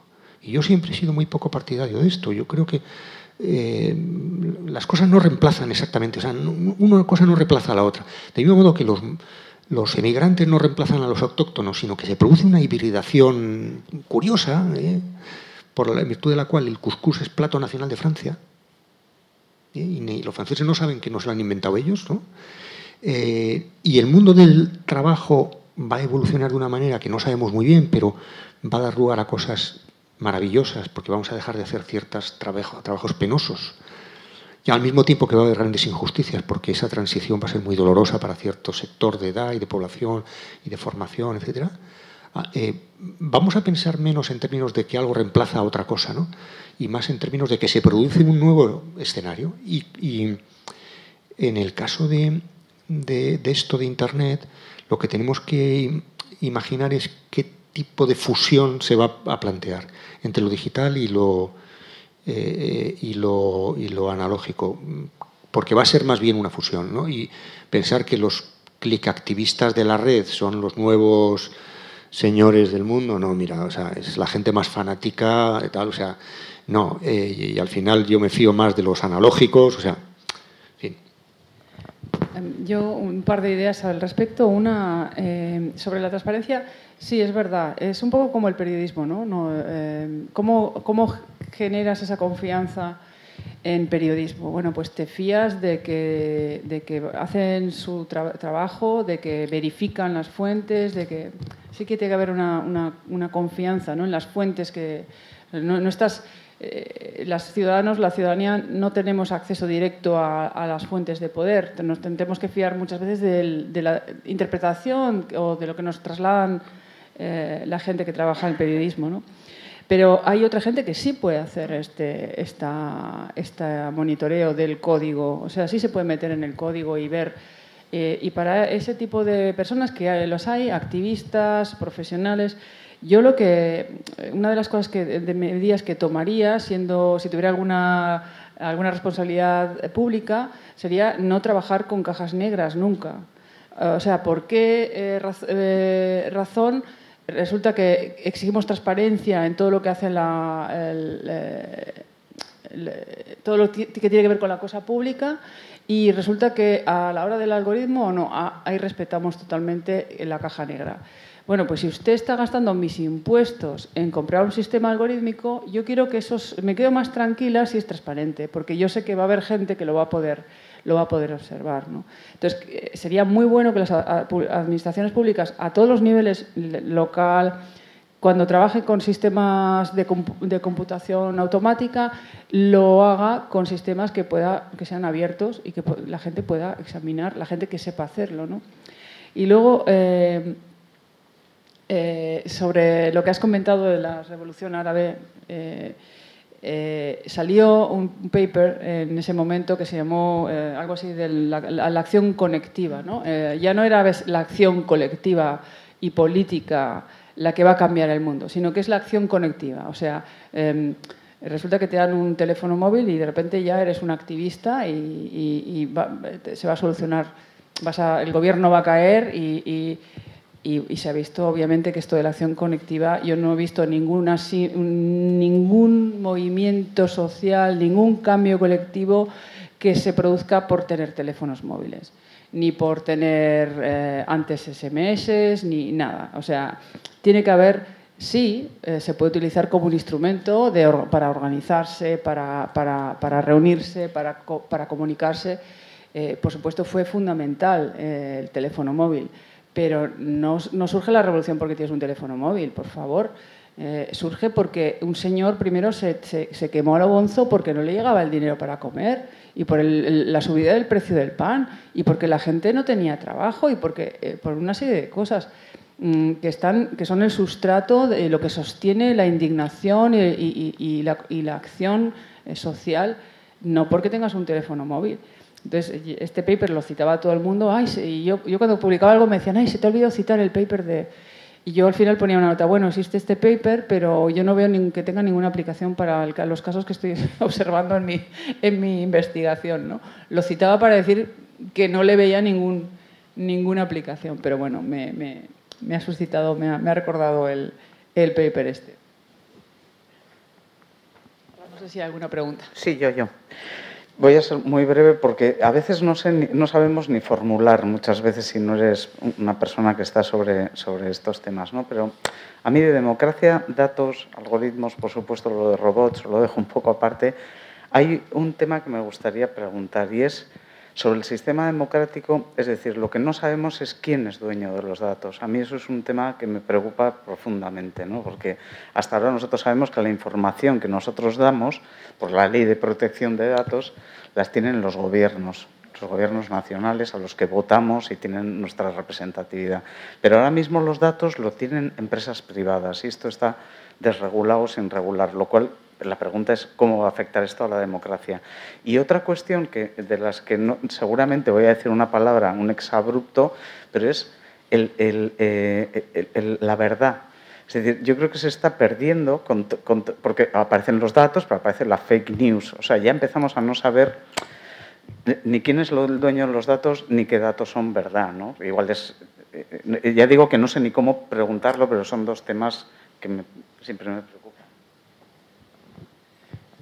¿Quién, eh, ¿Quién, es dueño de los datos? Pues eh, no sé qué cláusulas has firmado, pero, pero están en las cláusulas. No, eh, en serio, en Europa podemos mm, no estar tranquilas y tranquilos completamente, pero creo que tenemos, una, tenemos la regulación más avanzada que existe, la, la Ley de Protección de Datos del 2018 y tiene, eh, si la lees bien, tiene mm, falta articular un montón de cosas y falta que esto se pueda aplicar a muchas cosas, pero tiene muchas garantías, ¿no?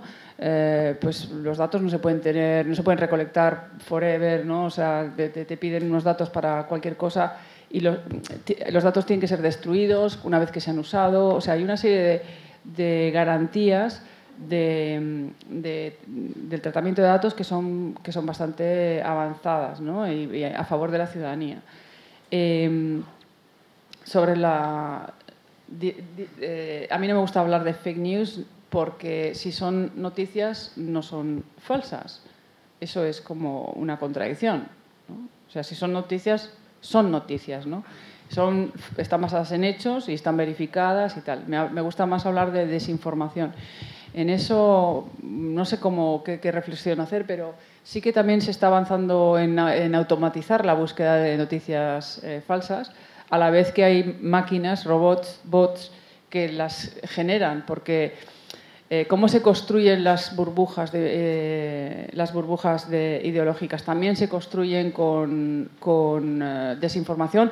La desinformación es más viral, es más adictiva es más eh, chocante, más llamativa, eh, o sea, es, realmente mm, pegajosa. Eh, llama mucho más la atención, tiene titulares más llamativos, se comparte más y estas plataformas viven de eso.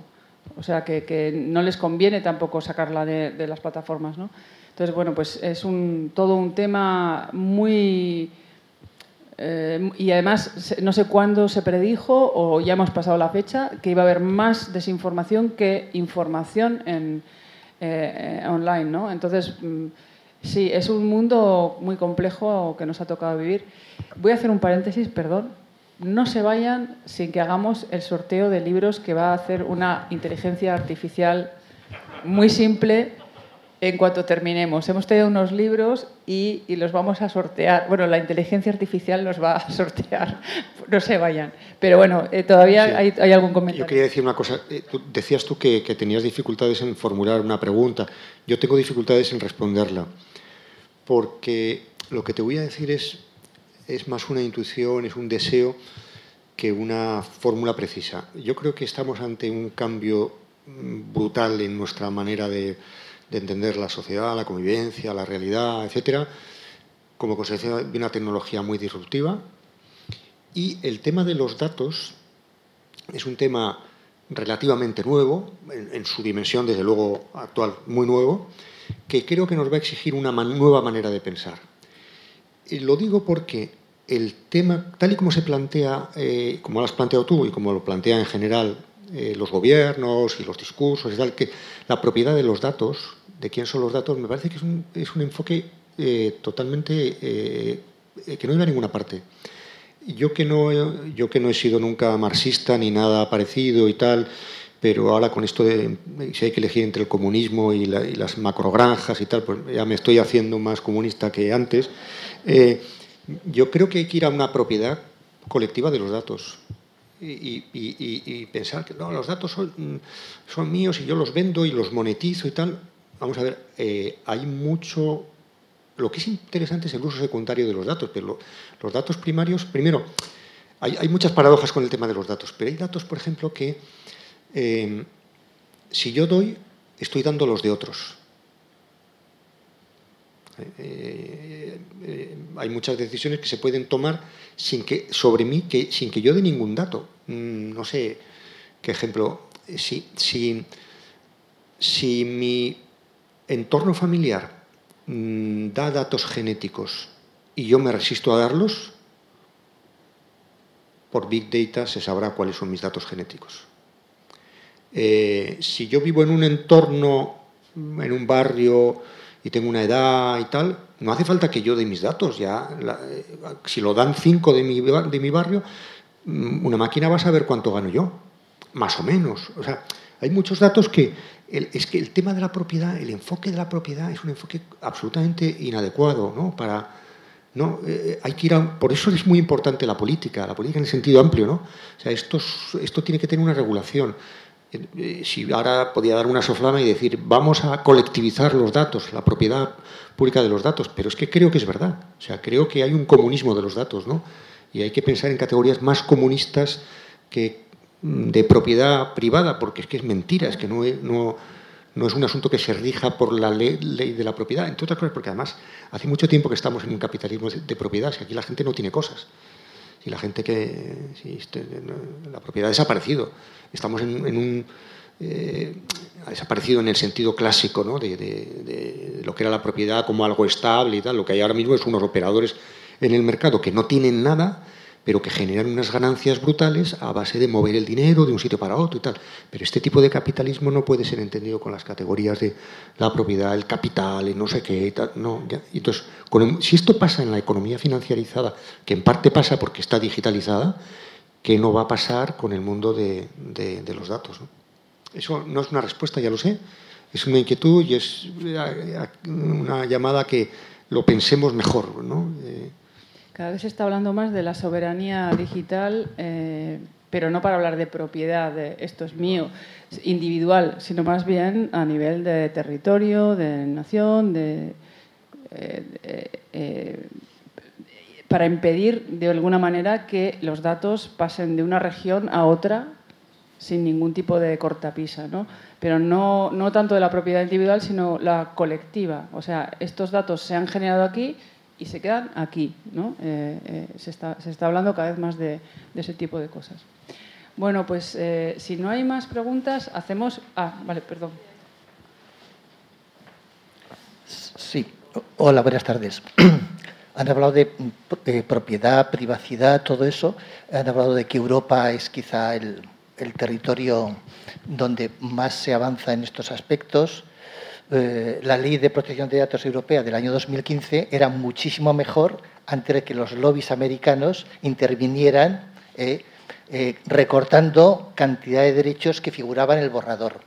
Si tienen a mano el borrador de la ley de protección de datos europea y el resultado final, hay una diferencia bastante notable. Eso es esa es una realidad. Los datos, los datos siempre han sido de alguien, siempre, y siempre serán de alguien aunque quieran regionalizarlos en un sitio o de otro, ¿no? Ahora mismo eh, el dueño de Facebook amenaza, eh, como un niño que, le, le han quitado el juguete porque no se ha comido toda la cena, con irse. ¿Cómo se va a ir de aquí, no? Con el gran negocio que tiene. Pero la, cosa es, eh, me ha parecido muy interesante, señor Generality, el asunto que ha hablado de Europa frente a América como un polo, vamos a decir, comercial, China como un polo de poder, ¿no? Y dices, ¿por qué? Claro, somos europeos, eso también es. Y claro, somos eurocentristas también, decimos somos los mejores. Eh, y cuando me, planteo qué ha aportado Europa al mundo, ¿no? China a lo mejor está aportando el poder omnívodo, Estados Unidos el capital y sobre todo el negocio. Digo, aparte del capitalismo, ¿qué aporta Europa? Y ha, aportado una cosa que me parece genial, fantástica, que le aporta Europa a la humanidad, que es el disenso, el derecho a disentir. Quizá Europa es donde más, históricamente, ha, habido personas que disienten, es decir, no estoy de acuerdo. ¿Y esto por qué? Mientras que, vamos a decir, en las culturas americanas u orientales eso no ha ocurrido. ¿no? Es decir, cuando a veces se intenta incluso trasladar formas de revolución europea a, eh, por ejemplo, mundo árabe o mundo oriental, eh, acaban fracasando. Quizá porque la forma de, disentir allí no existe o no existe de la misma forma, ¿no? Los americanos disienten poco y los que disienten son personajes casi casi de museo, ¿no? Los tienen allí. Eh, Chomsky, por ejemplo, es casi como una escultura, no se sabe muy bien, un jarrón chino, podríamos decirlo, ¿no? En cambio, en Europa, personas que disienten siempre ha habido, siempre ha habido. Yo creo que eso es lo que hace de Europa más reticente, por ejemplo, eh, la historia esta de algoritmos, de robots, datos, y a lo mejor más defensora de aspectos como democracia. A fin de cuentas, eh, no nos lo creemos. Eh, es decir, el, el, algoritmo nos ha hecho creer que es como son las divinas palabras. Es latín y no entendemos nada. ¿Para qué te lo voy a explicar si es latín y no vas a entenderlo nada? Y en realidad el algoritmo es tan sencillo como latín. Lo que pasa que es una forma también de, eh, recordarán ustedes, hace unos meses cuando la gran crisis sanitaria eh, habló el gobierno del Estado de que había un comité de expertos que no podía dar el nombre de ellos para que no los mediatizaran ni, ni se metieran con ellos. ¿Qué resultó? Finalmente, que nunca existió un comité de expertos. Eh, era precioso, ¿no? Es, que es el algoritmo fantástico, funciona como el gran espantajo y en realidad detrás del espantajo no hay nada. Y muchas veces detrás de un algoritmo no hay nada, nada más que negocio. No hay, no hay otra cosa. decir, esto me recuerda al, asunto del derecho a al olvido, que es un derecho que tenemos los europeos solamente, ¿no?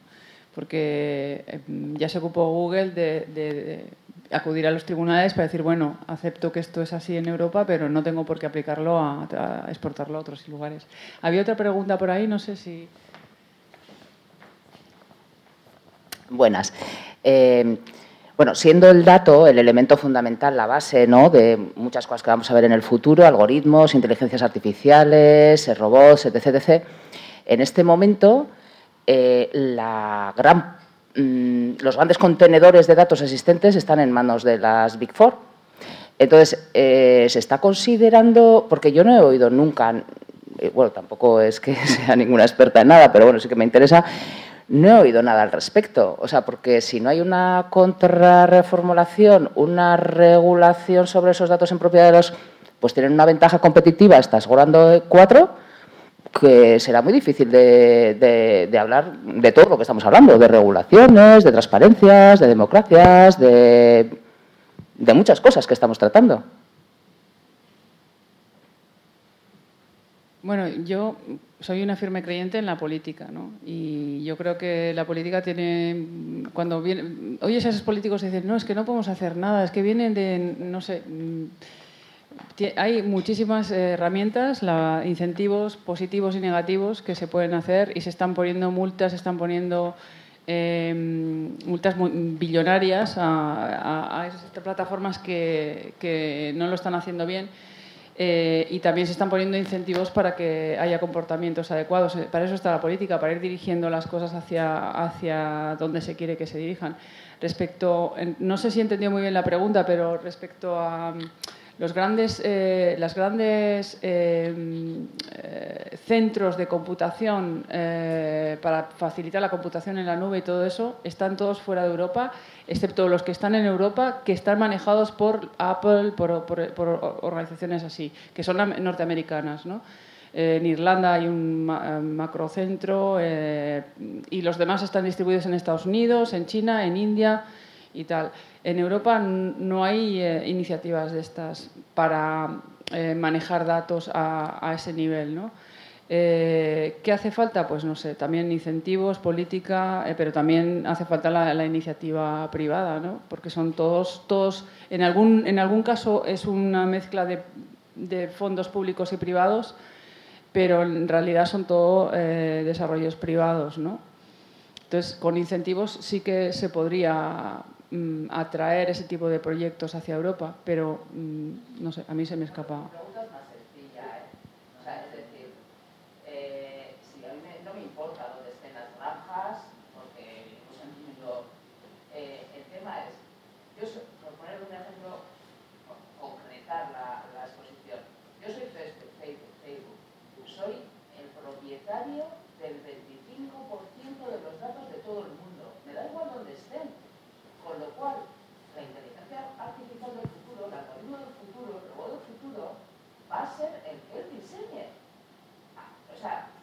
Sí.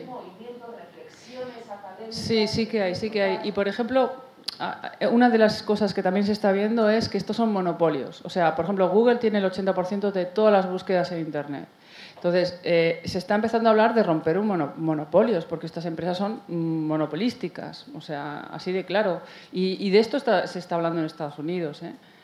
porque le, compete a Estados Unidos hacerlo.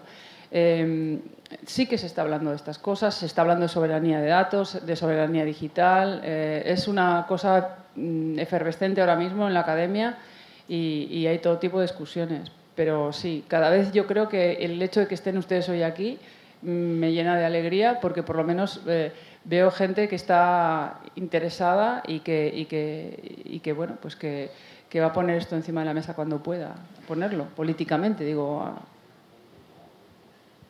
bueno, llegó el... Ah, y es que quiero pasar al... al, No, quieren nuestros libros. No quieren nuestros libros.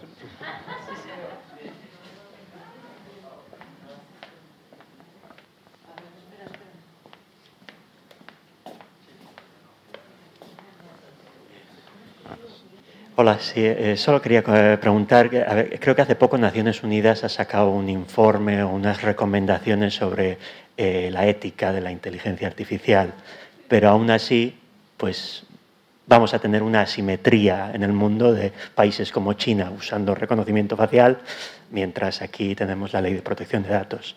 ¿no? Entonces, eh, desde vuestro punto de vista, ¿es, esa, eh, es un paso adelante? ¿no? Y nosotros como ciudadanos, ¿qué podemos hacer? Me ha parecido fascinante el comentario sobre no escuchar a tu abuela. Creo, creo que de engañar al algoritmo. ¿no? Nosotros como ciudadanos, ¿cómo podemos engañar al algoritmo para, pues bueno, ser más libres, ¿no? Eh, sí.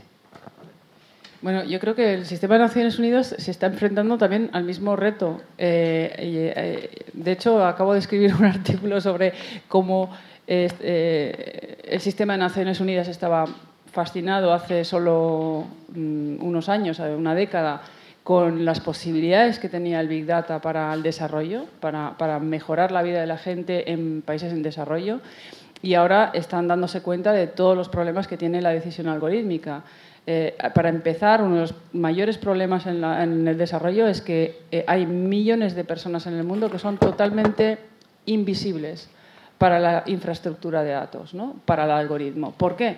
Piensen ustedes en una mujer eh, en un área rural de un país en desarrollo eh, que no tiene ni teléfono móvil, ni tiene una cuenta bancaria online, ni tiene un satélite que le esté apuntando, eh, no, hay cámaras tampoco de, que, capten su movimiento. Es totalmente, y no tiene teléfono móvil, es totalmente invisible. ¿no? ¿Cómo vas a hacer políticas, ayudas, cómo vas a asistir a esas personas? que, son, eh, que no, tienen, no dejan huellas digitales. Eh, cuando, mm, confías en, en, un algoritmo para tomar decisiones. Es muy, muy difícil. Y sin embargo, el Programa de Naciones Unidas hace dos o tres años firmó un contrato para que maneje todos sus datos. Estamos hablando de los, de las, no sé, de, de los datos de las personas más vulnerables de este planeta del programa de, de, Naciones Unidas de Alimentos a una empresa que se llama Palantir, que no les digo otra cosa, que fue fundada por miembros de la CIA, ¿no? Eh, una, empresa oscura que, que, riete de Cambridge Analytica. Entonces, Eh, este enamoramiento que ha tenido el sistema de Naciones Unidas se está dando cuenta de que hay muchas más reticencias y hay muchos asuntos que, que tiene que ver, que vigilar. ¿no? Y es un tema importante también porque en Europa estamos muy bien, pero hay que, y también en Estados Unidos y en China es un país que, que tiene, que, ha, proporcionado a sus ciudadanos, a ciudadanas, un sistema de bienestar bastante elevado, pero es que hay países que están eh, muy mal en lo que es ser, nacer mujer, nacer en una zona rural, es una condena a muerte, ¿no? directamente. A mí se me ocurre mencionar la, la, revolución de la gente analógica que está teniendo lugar aquí con el tema de los bancos. O sea, ahí, hay un, es, interesante eso, ¿no? y ver cómo va a evolucionar el hecho de que una capa de la población a partir de una determinada edad efectivamente cada vez tiene más dificultades. Bueno, todos tenemos dificultades en esto. Creo que nuestros hijos nos... Yo tengo dos o tres problemas en el ordenador que estoy esperando que mi hijo venga un fin de semana a casa para que me resuelva. Es decir, ahí hay una alfabetización eh, que a algunos ya no, no, nos ha llegado o que nos cuesta mucho y tal, y otras generaciones. Hay muchas, muchas brechas en la sociedad. Y esas brechas hay que hay que ir trabajando en ellas. ¿no? Y hay brechas en relación con lo digital que tienen que ver con la generación a la que uno pertenece, si está en entorno urbano o rural, si, si uno puede ir a un banco físico o no, hay gente que necesita ir al banco físicamente, etc. Entonces, yo creo que la, lo que pone de manifiesto esto que ha pasado ahora, esto que está pasando ahora mismo, del de, otro día el, abuelo este con Calviño, que se enfrentó a Calviño diciendo yo soy tal, eh, bueno, pone de manifiesto que hay una generación por cierto, una generación además que, que hizo el 68 y que viene de esa memoria y tal, ¿no? Que, bueno, por tanto, que no, acepta con, no va a aceptar con facilidad que se le escuya de, este nuevo horizonte, ¿no? Bueno, ahora sí llegó el momento más esperado de la tarde y más interesante de la tarde, que es, que es el sorteo, que es una tontería, pero queríamos eh, eh, que primero poner una, una cosa positiva en el, encima de la mesa y segundo, pues enseñarles eh, cómo funciona, es una tontería, cómo puede funcionar una, un sistema de, de, elección de números randomizado. Entonces, cuando quieras, vamos a generar el ganador. El número 13, ¿por dónde empezamos? ¿Qué? Ah, bueno, bueno, así, así a... Ven, ven, ven. ¿El siguiente cuál es? Hacemos uno siguiente. El 12. No parece tan randomizado esto, ¿eh? Aquí hay, aquí tongo. ¿Eres el 12? Pero hay, hay 12, número 12, ¿no? Vale, le doy otra. Se ha ido, venga, otro. 31. Te ha tocado.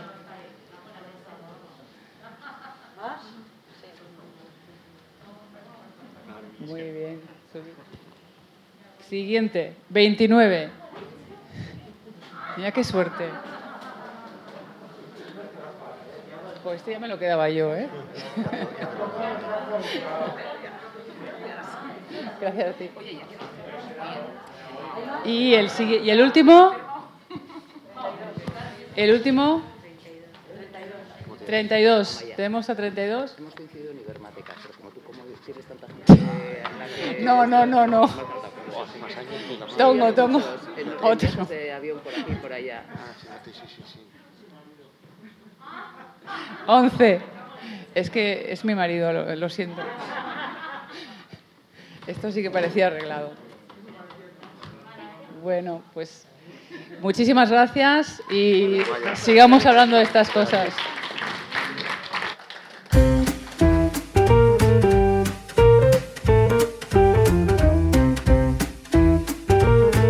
Donostia Kultura Irratiaren podcasta.